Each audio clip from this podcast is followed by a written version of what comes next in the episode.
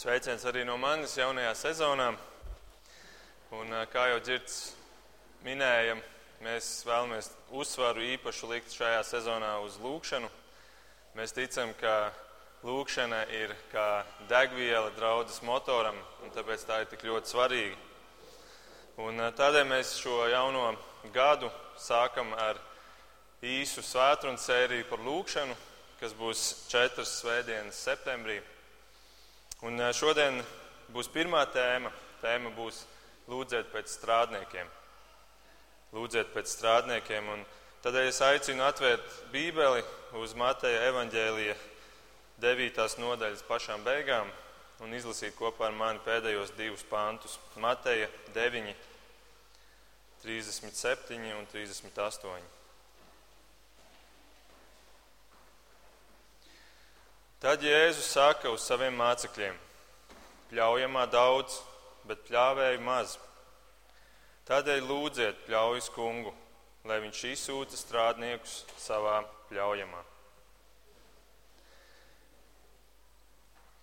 Mīļais pļaujas kungs, mīļais debes tēvs, paldies, ka mums ir draudzene, paldies, ka mums ir tik daudz pļāvēju kurus tu esi iecēlis šajā augstajā godā, šajā amatā, devis viņiem šo, šo spēju un, un visu, kas ir nepieciešams, lai dotos tavā druvā. Paldies par katru no mums, kuri varam būt draudzē. Un paldies par šo jauno gadu, ko mēs varam uzsākt kopā. Kungs, mēs lūdzam, uzrunā mūsu katru, lai mēs varam saprast mūsu vietu, mūsu draudzē lai mēs varam saprast, kas ir tā vieta, kur tu vēlēs, lai mēs kalpojam. Un lūdzu lietotam arī šodienas svētrunu. To mēs lūdzam Jēzus vārdā. Āmen. Lūdzu, sēdieties!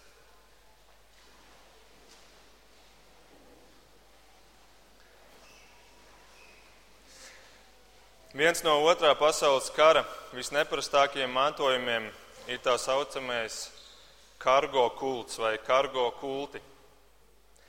Vārds kargo latviešu valodā nozīmē krava. Tātad runa ir par kravas kultiem.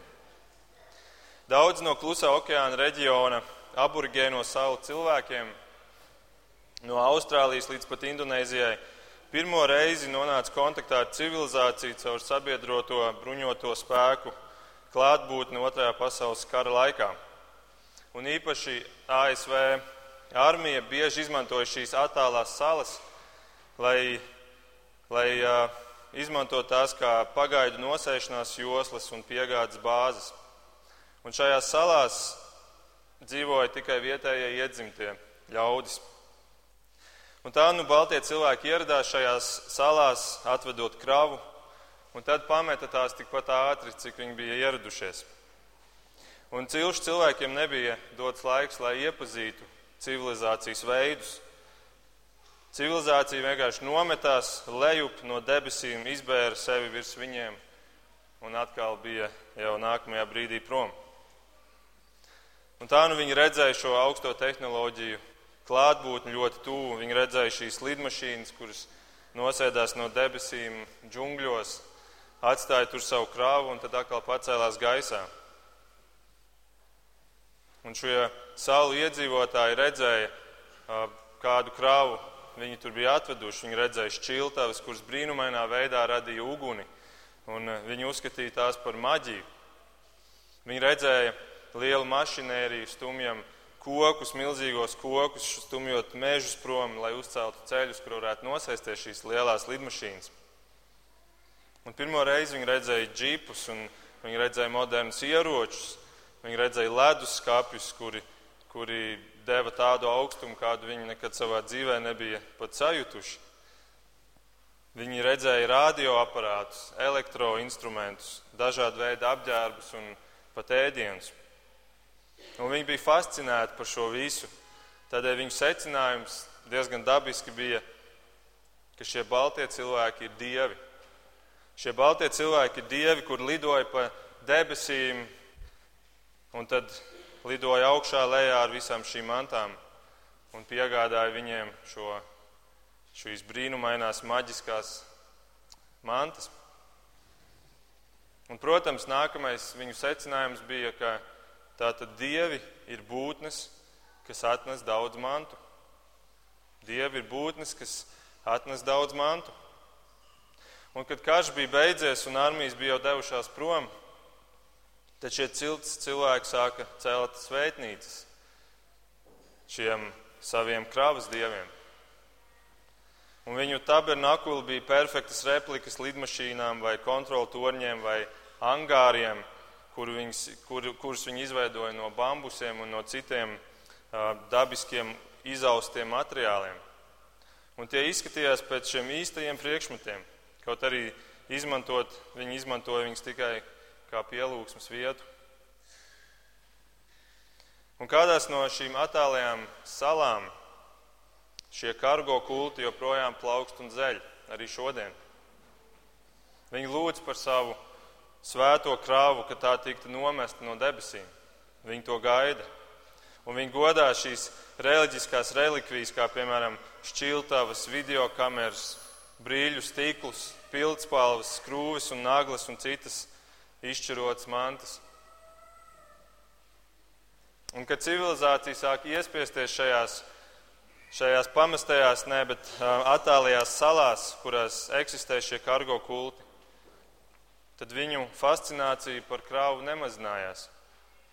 Misionāri, kuri tikuši nosūtīti uz šiem apgabaliem, lai sludinātu evaņģēlīju, saskarās ar lielām grūtībām viņiem nest šo glābjošo vārdu. Viņi gan saskarās ar tūlītēju siltu uzņemšanu, Jo šie cilvēki, šie iezemieši domā, ka tā ir kravas dieva otrā atnākšana. Bet problēma ir tajā, ka viņi meklē kravu, nevis evaņģēliju. Un tā nu misionāriem ir jāsacina, ka viņi ir tik aizgrābti ar materiālismu, ka viņi pat nesaprot, ka evaņģēliju nevar tā vienkārši vienā brīdī paņemt pretī kā tādu mantu, kā tas ir bijis viņiem līdz šim. Un tā ir ļoti grūti viņiem šajos kargo kultos stāstīt par Kristu stāstīt par evaņģēliju un stāstīt par žēlastību. Un lasot visu šo, man bija jādomā par to, kāda ir mūsu lūkšana dzīve. Kāda ir pirmām kārtām mana lūkšana dzīve? Kas ir tas, par ko es lūdzu Dievu ikdienā? Pēc kā es lūdzu Dievu? Pirmā problēma jau ir tā, cik bieži es lūdzu Dievu, bet tad, kad es to daru, tad kas ir tas, pēc kā es lūdzu? Cik bieži mana lūkšana ir dod man šo un dod man to un, un, un lūdzu dod man to, ko es esmu ieplānojis. Un tā ir tik lielā mērā iesēdusies manī, ka dažreiz es pat sāku lūgt un es atopos, ka man pirmie vārdi ir jau kāda prasība Dievam. Un tā nav lūkšana jēga. Lūkšana nav un nedrīkst kļūt par tādu lūgumu vai prasību sarakstu dievam. Un kaut arī Kalnu svētdienā mēs mācījāmies, ka Jēzus saka, lūk, lūdziet Dievu šādi, mūsu Tēvs debesīs, un tur ir šī daļa, kur es lūdzu kaut ko priekš sevis. Tad tomēr mēs redzam, ka tā ir otrā daļa. Pirmajā daļā ir trīs teikumi, kuri ir vērsti uz Dievu. Tā ir tā pirmā un svarīgākā daļa, un tikai pēc tam seko manas vajadzības. Un tomēr tā ir tā ikdiena, kurā mēs dzīvojam, un, un tā varbūt arī sabiedrība un visa tā mentalitāte, kurā mēs apgrozamies ikdienā, ka, ka šis vēlmju saraksta modelis spiežās iekšā mūsu arī komunikācijā ar Dievu. Un es ticu, ka es neesmu vienīgais šodien šeit ar šādu problēmu, kur, kur es līdzinos varbūt šim, šim kargo kulta principam, šim kravas kultam, šim mantu kultam, kur, kur mana, manas domas ir piesātnās tik ļoti ar to, ko es vēlos savā dzīvē iegūt, kas beig beigās tikai apmierinās manu miesas kārību, acu kārību un dzīves lepnību, kā Jānis raksta savā pirmajā vēstulē.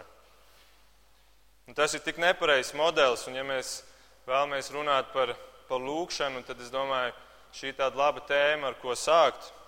Domāt par to, pēc kā mums vajadzētu lūgt. Kas vispār ir lūkšana? Un šis, šis modelis, kas ir tik dabisks, jā, es to pats ar to cīnos, šis modelis, kad, kad es lūdzu priekš sevis un sev un sev un sev, tas ir tik ļoti vērsts uz mani, un, un tāpēc tas ir nepareizi, bet tas ir nepareizi arī tādēļ, ka šādas lūkšanas nedarbojas. Šāda princips, šāda pieeja, šāda attieksme, viņa beigās pie nekā neaizved. Un lūkšanas netiek atbildētas, un tādēļ viņas mani nepiepilda, un tādēļ man nolaižās rokas, un tādēļ es arī kļūstu kūtrs vispār iet un lūgt. Mēs lasījām ievadā Jēkab vēstules 4. nodaļu, kur 3. pantā ir rakstīts šādi vārdi. Jūs lūdzat, bet nesaņemat. Kādēļ jūs nesaņemat? Tādēļ, ka lūdzat aplami. Kas tad tieši ir aplami manās lūkšanās? Lai tērētu savām baudām, savām kārībām. Jūs lūdzat, bet nesaņemat tādēļ, ka lūdzat aplami, lai tērētu savām baudām. Un šāda lūkšana ir nepareiza. To Jākaps šeit uzsver arī. Šāda lūkšana pat samaitā attiecības ar Dievu. Un šāda lūkšana man padara kurlu pret Dieva vārdu un Dieva patiesību, tāpat kā šos kargo kultu cilvēkus, kuri, kuriem domas bija vērstas uz kaut ko pilnīgi nepareizu. Un tomēr šāda lūkšana ir tik ļoti izplatīta mūsu vidū, Dieva bērnu vidū, cik skumji. Un tad nav brīnum, ka tik daudz kristiešu dzīvo bez spēka un krīt un krīt un krīt grēkā. Un tad nav brīnum, ka tik daudzas draudzes dzīvo bez spēka Jo tiešā komunikācija ar šo spēka devēju sastāv no vēlmju saraksta nocitēšanas. Un es atgādinu jums, ka es esmu pirmais no jums, kurš iestājās šo vainīgo rindā un kurš, kuram ir jācīnās ar šo, šo izaicinājumu. Bet kā tad, lai lūdz pareizi? Par ko vajadzētu lūgt? Kas ir tas, kas piepilda un dod izdošanos un dod šo spēku? Atcerieties, pēdējo reizi, kad es šeit stāvēju jūs priekšā pirms divām, trim nedēļām, tad es runāju par to, ka ir jāskatās uz Kristu. Skatieties uz Kristu. Vērs savu skatienu uz Kristu, un, un tad, kad mēs runājam, tad, kad viņš paskatās uz cilvēkiem, tad tam ir tālējošas sekas. Un, ziniet, ir kāda rakstvieta Bībelē, kur Jēzus paskatās uz cilvēkiem, kuri ir bez spēka. Jēzus redz pūli, kuri ir izvārguši un kuri ir bez spēka. Paklausieties, tur rakstīts tā ir. Un redzēdams ļaužu pūli, viņš iežēlojās par tiem, jo tie bija novārgu, novārguši un pamesti kā avis, kurām nav gana. Lūk, Jēzus redz pūli, kuri ir bez spēka. Un viņš iežēlojās par šiem cilvēkiem. Tātad viņam ir žēl par to, ka viņi ir šādā stāvoklī. Un, un šī iežēlošanās aizved viņu pie kāda lēmuma, spērt kādu soli un veikt kādu darbību. Un tas, ko viņš dara, viņš pagriežās pret saviem mācekļiem un viņš viņiem kaut ko pasaka. Viņš viņiem saka, lai viņi lūdz par kaut ko lai viņi lūdz pēc kaut kā konkrēta. Lai viņi lūdz, lai Dievs kaut ko sūta šiem izvārgušajiem, bezspēcīgiem cilvēkiem, kuri ir bez spēka. Kā jums šķiet, par ko ir šī lūkšana? Par to, lai šiem cilvēkiem tiktu sūtīts mantas, lai varbūt šo cilvēku ekonomiskais stāvoklis uzlabotos, lai varbūt šī tauta piedzīvo ekonomisku uzplaukumu. Varbūt, lai viņiem ir mierīgāka dzīve, lai nav tik daudz stresa, un tādēļ varbūt viņi ir bez spēka un izvārguši. Kā jums šķiet? Varbūt Jēzus saviem mācekļiem saka, lai, lai lūdzētu par to, lai sūta Dievs politiskos cīnītājus, kuri atbrīvot no Romas okupācijas. Vai varbūt kaut ko tādu vispārīgu, lai sūta mieru un žēlastību un prieku šiem cilvēkiem? Vai varbūt, lai sūta kādu pārdabisku brīnumu, kas viņiem dotu šo spēku un šo mierinājumu, kas viņiem ir vajadzīgs? Atbildi ir nē. Jēzus viņiem liek lūgt par kaut ko ļoti konkrētu. Par to, ka šiem izvārgušiem un bezspēcīgiem cilvēkiem nestu tiešām spēku. Un tad, kad Jēzus viņiem saka, lai viņi lūdz, viņi pēc tam to dara, un šī lūkšana ir piepildījusies. Jo no tās dienas, kad Jēzus viņiem to pavēlēja, no tās dienas sāka nākt palīdzība. Sāka nākt palīdzība pie šiem cilvēkiem, un tā ir nākusi gadsimtiem cauri līdz pat 21. gadsimtam, līdz pat mums šodien šeit Rīgā, līdz pat mums šeit Vīlandē.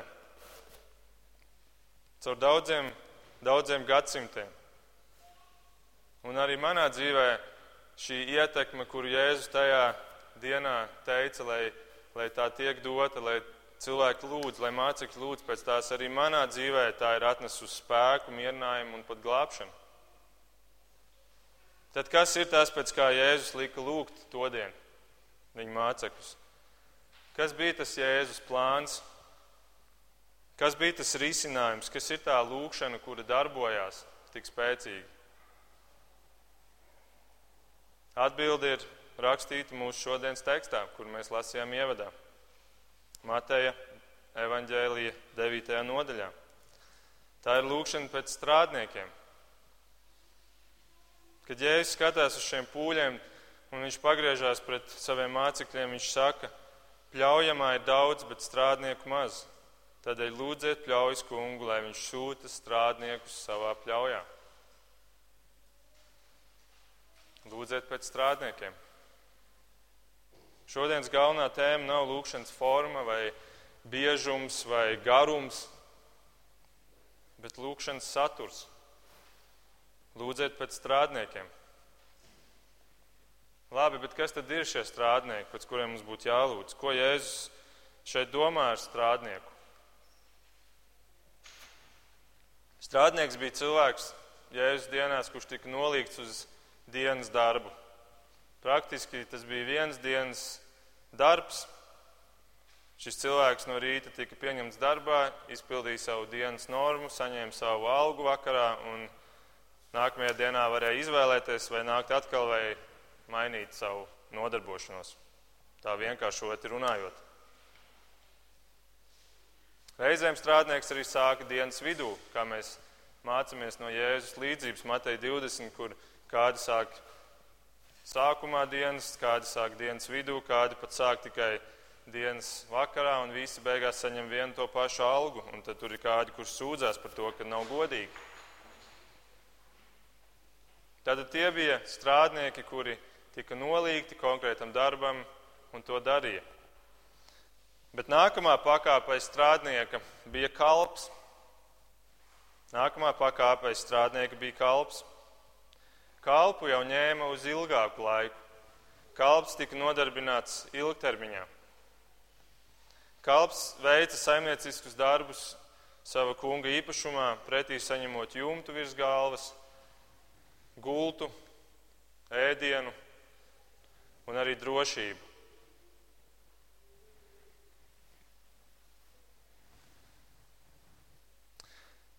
Mēs varētu teikt, Jēzus šeit liek lūgt pēc strādniekiem, kas ir tā zemākā forma. Bet tikpat labi tas attiecās arī uz kalpiem. Ir labi, ja var dabūt strādnieku uz īslaicīgu darbu, varbūt uz kādu sezonu, vai uz kādu mēnesi, vai uz kādu nedēļu mūsdienās, mūsu draudzē. Bet tas daudz vairāk attiecās uz ilgtermiņa kalpiem. Kādēļ Jēzus šeit min strādnieku? Tādēļ, ka viņš saka, ka pļaujamā ir daudz un strādnieku ir maz. Jau tā pietrūkst cilvēku un, un situācija nav pārāk laba. Un ja nevar dabūt pietiekami strādnieki, tad kur nu vēl prasīt kalpus uz ilgtermiņu nodarbošanos, nodarbināšanu? Bet ziniet, interesanti, ka Bībele liecina par to, ka tie patiesie ticīgie, kuri ir Bībelē minēti, viņi ir kalpi, nevis strādnieki. Ticīgie iet strādāt drūvā ilgtermiņā, nevis vienas dienas algas dēļ. Viņi iet strādāt sava kunga dēļ, viņa gādības dēļ, nevis lai saņemtu algu un tad iet un tērētu to savām baudām. Un tādēļ ir tik daudz piemēru kalpiem Bībelē. Paskatieties, ko, paklausieties, ko Pāvils piemina kolosiešiem 4. nodaļā. Viņš raksta par kādu vīru vārdā Epafru. Viņš raksta, jūs sveicina viens no jūsējiem. Viens no jūsējiem, viens no jūsu draudzes cilvēkiem, Epafrs. Kristus Jēzus kalps, kas vienmēr ir cīnījies par jums savās lūgšanās, lai jūs būtu pilnīgi un pastāvētu savā pārliecībā stingri pēc Dieva gribas. Lūk, Epafrs, draudzes cilvēks, kalps, kurš, kurš lūdza un nemitīgi iestājās lūgšanās par savu draugu. Viņš nebija tikai strādnieks, viņš bija kalps, kurš, kurš bija nospraudis sev savas dzīves kalpošanas mērķi, nevis piekrist kādam mazam darbiņam draudzē, bet, bet iestāties un dot šo ietekmi, kas ir vajadzīga draudzē. Vai kāds cits vīrs, Timotejs, 1. Thessaloniķiešiem 3. Tādēļ nespēdam vairs izturēt, mēs nolēmām Atenās palikt vieni paši, bet pie jums sūtīt Timoteju, mūsu brāli un dieva kalpu Kristus evaņģēlijas sludināšanā. Dieva kalps. Vai par mums arī tā cilvēki mēdz teikt, ka viņi domā par, par, par mums un viņi iedomājās mūsu vārdu, un tad viņi Viņiem tā doma ir, jā, tas ir Kristus kalps. Tas ir Kristus kalps. Vai kaut vai tas ir strādnieks Dieva drūvā. Vai uz mūsu kapakmens rakstītu Markus Roškāns, Kristus kalps.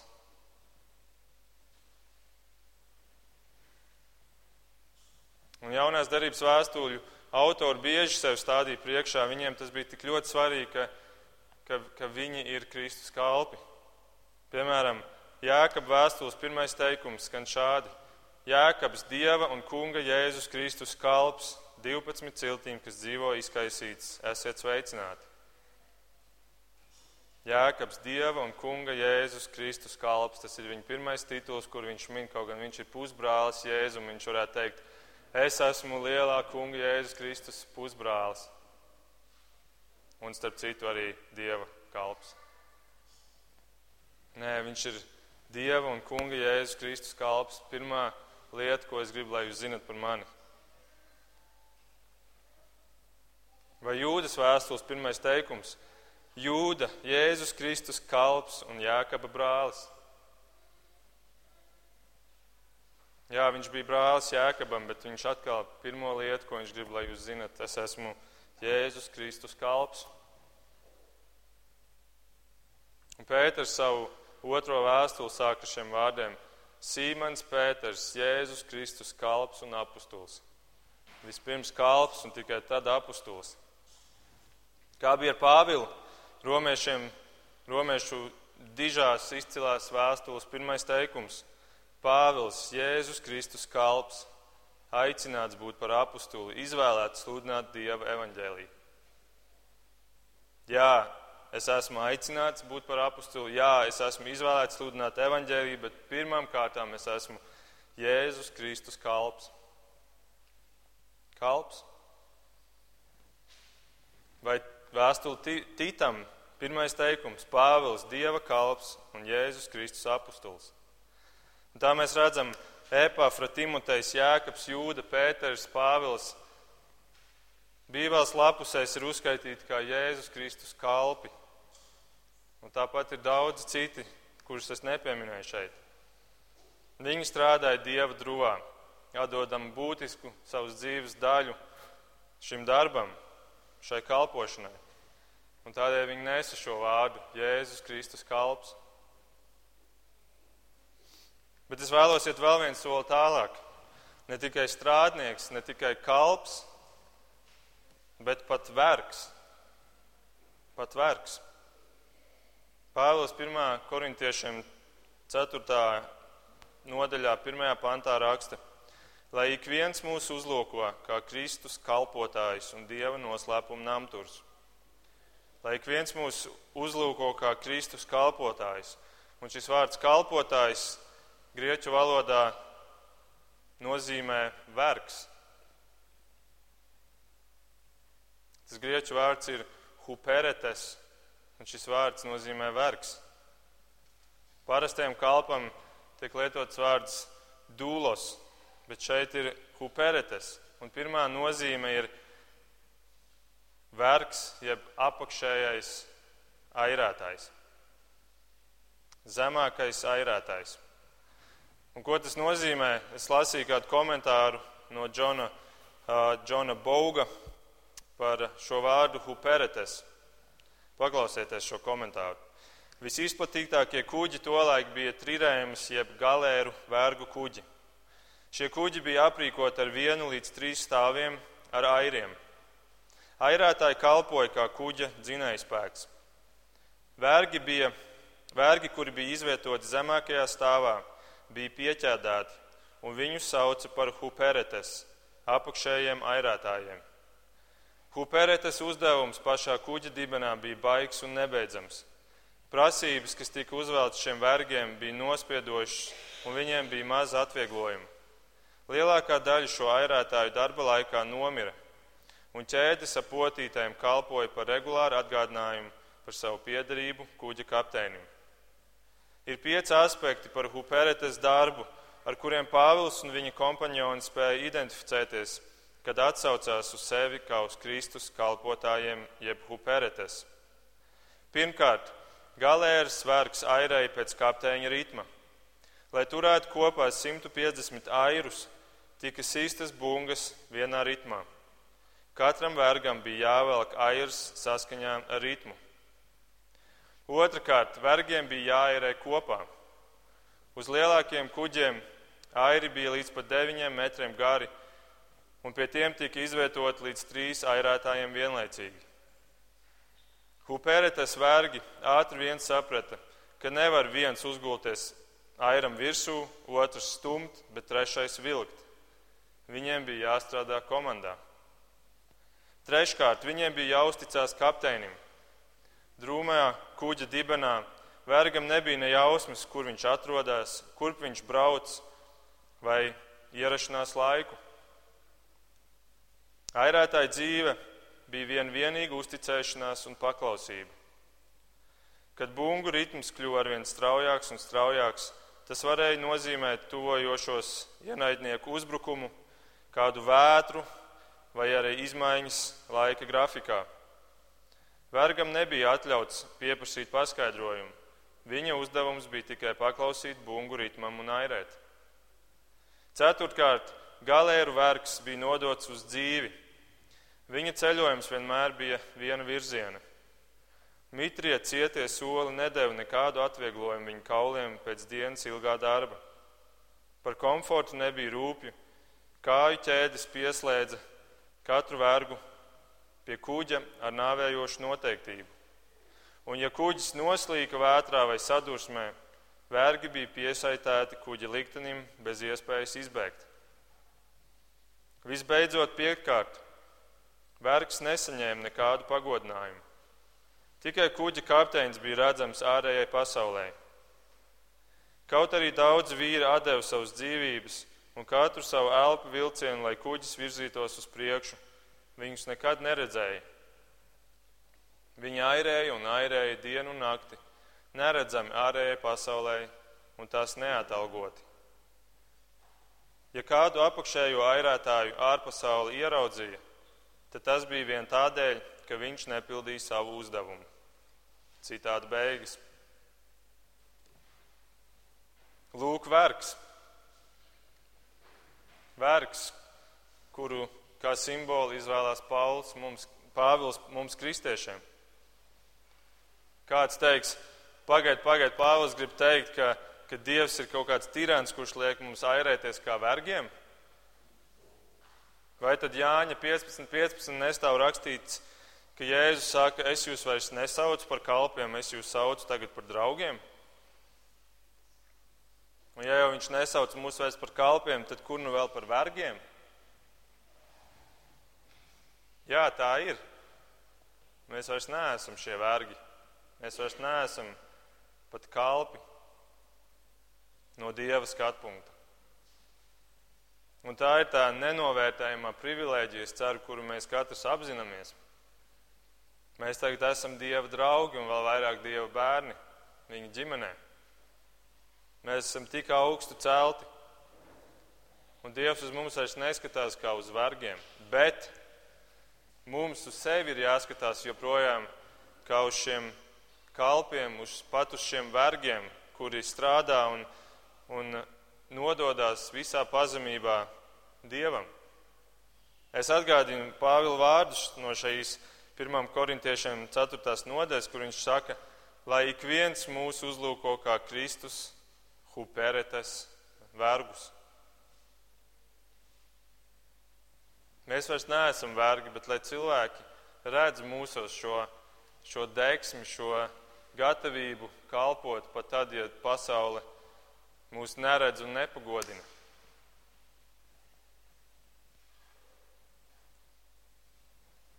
Lai cilvēki redz, ka mēs esam šie apakšējie airētāji, kuri to dara mīlestībā uz savu kungu. Lūk, tāds ir vergs Kristum, tāds ir kalps Kristum, tāds ir strādnieks Dieva druvā. Un man patika, es lasīju kādu nezināmu autoru citādu par strādniekiem, ka esot trīs veidu strādnieki. Piemēram, kad esot jāpārstumj kādas klavieres, tad Pirmais nostājas aiztām un stumji, otrais velk un vada, bet trešais paķer klavieru ķeblīti. Un ja mēs domājam par šiem strādniekiem un kalpiem, un ja mēs šodien esam iesituši tādu paškritisku toni, tad iespējams mēs ieraudzīsim sevi ar tādu ķeblīti rokā, ka mēs izvēlamies to vieglo ceļu ka mēs to kalpošanu Kristumu ieliekam kā tādu, kā tādu darbību, kuru mēs varam veikt, ja mums paliek laiks pāri mūsu pamatgrafikā ikdienā.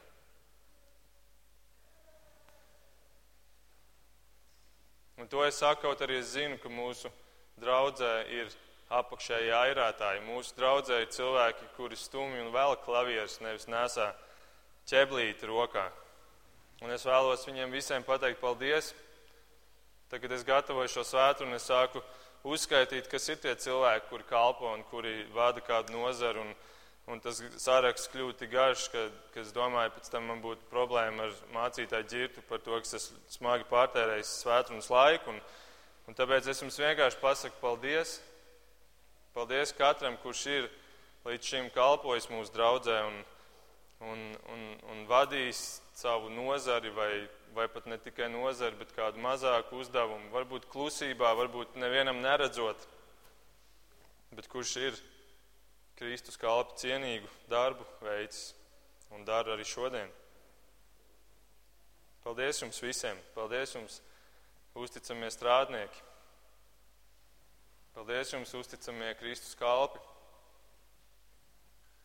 Bet ir jauna sezona klāt un, un ir jaunas vajadzības. Un, vajadzība ir tik daudz, tāpat kā todien, kad Jēzus skatījās uz tiem pūļiem un teica, ka pļaujamā ir daudz un pļāvēju ir maz, tā tas ir arī šodien. Tā tas bija Galilejā un tā tas ir Rīgā šodien, 21 gadsimtu vēlāk. Un, ja jūs gribat pielietojumu šai svētrunas teorētiskajai daļai, tad, tad pietiek vienkārši uzskaitīt, kādas mums ir nozares.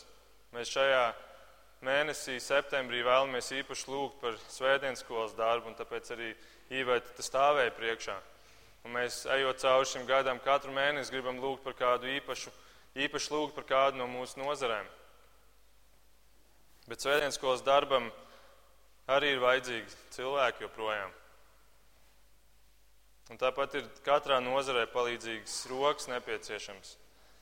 Praktiski darbi arī pie mūsu dievnama. Un, Un, un tur ir īpaši vajadzīgi cilvēki, kuri, kuri varbūt nestāv tā kā es te priekšā un saņem savu godu daļu, bet kuri strādā un, un kalpo tur, kur varbūt neviens neredz viņu, viņu ieguldījumu sākotnējo.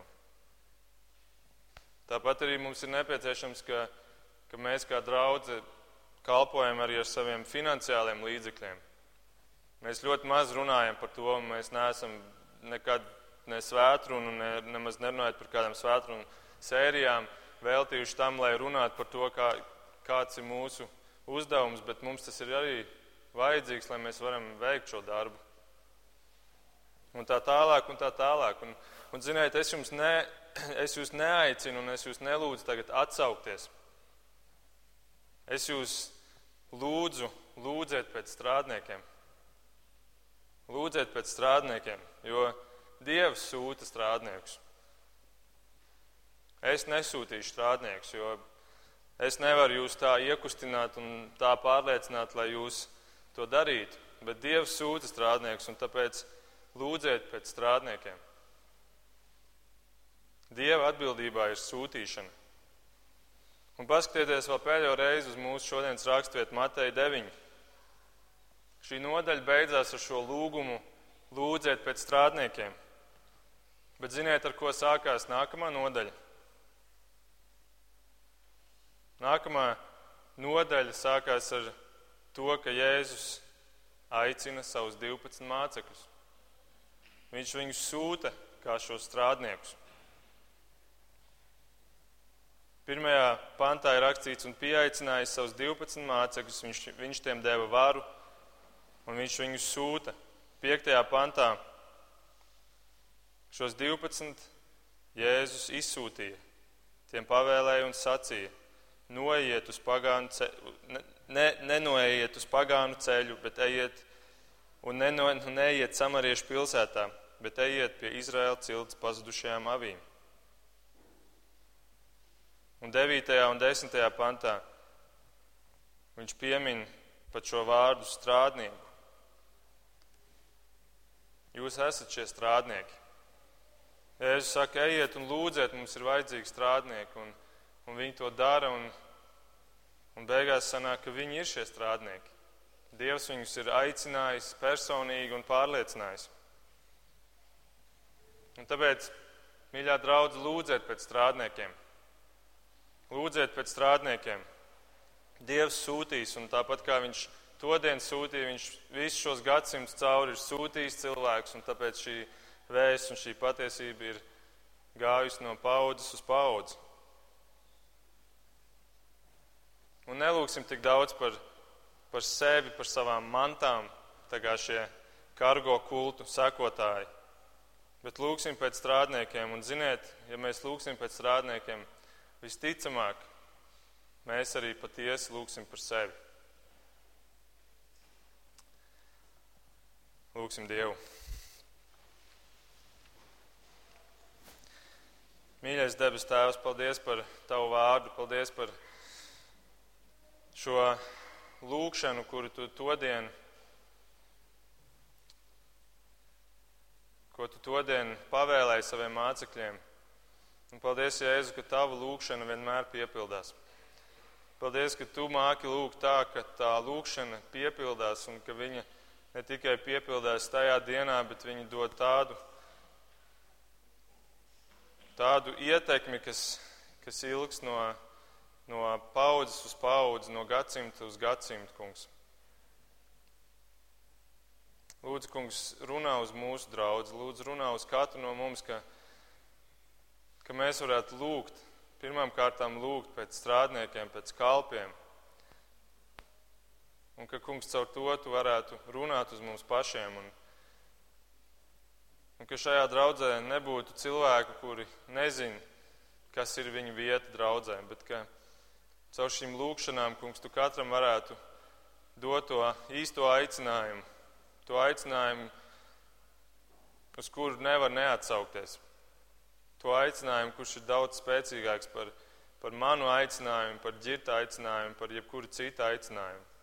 Kungs, lūdzu, aicina un lūdzu palīdz, ka mēs gribētu arī būt kā kalpi, jāpat kā vergi, kuri, kuri ir gatavi nodoties tavam darbam. Lūdzu, svētī mūs uz to un lūdzu, svētī mums šo jauno gadu mūsu draudzē, lai mūsos var ienākt lielāks spēks un ka mēs varētu strādāt un darboties tavam godam un cilvēku svētībai. To mēs lūdzam Jēzu tavā vārdā. Āmen!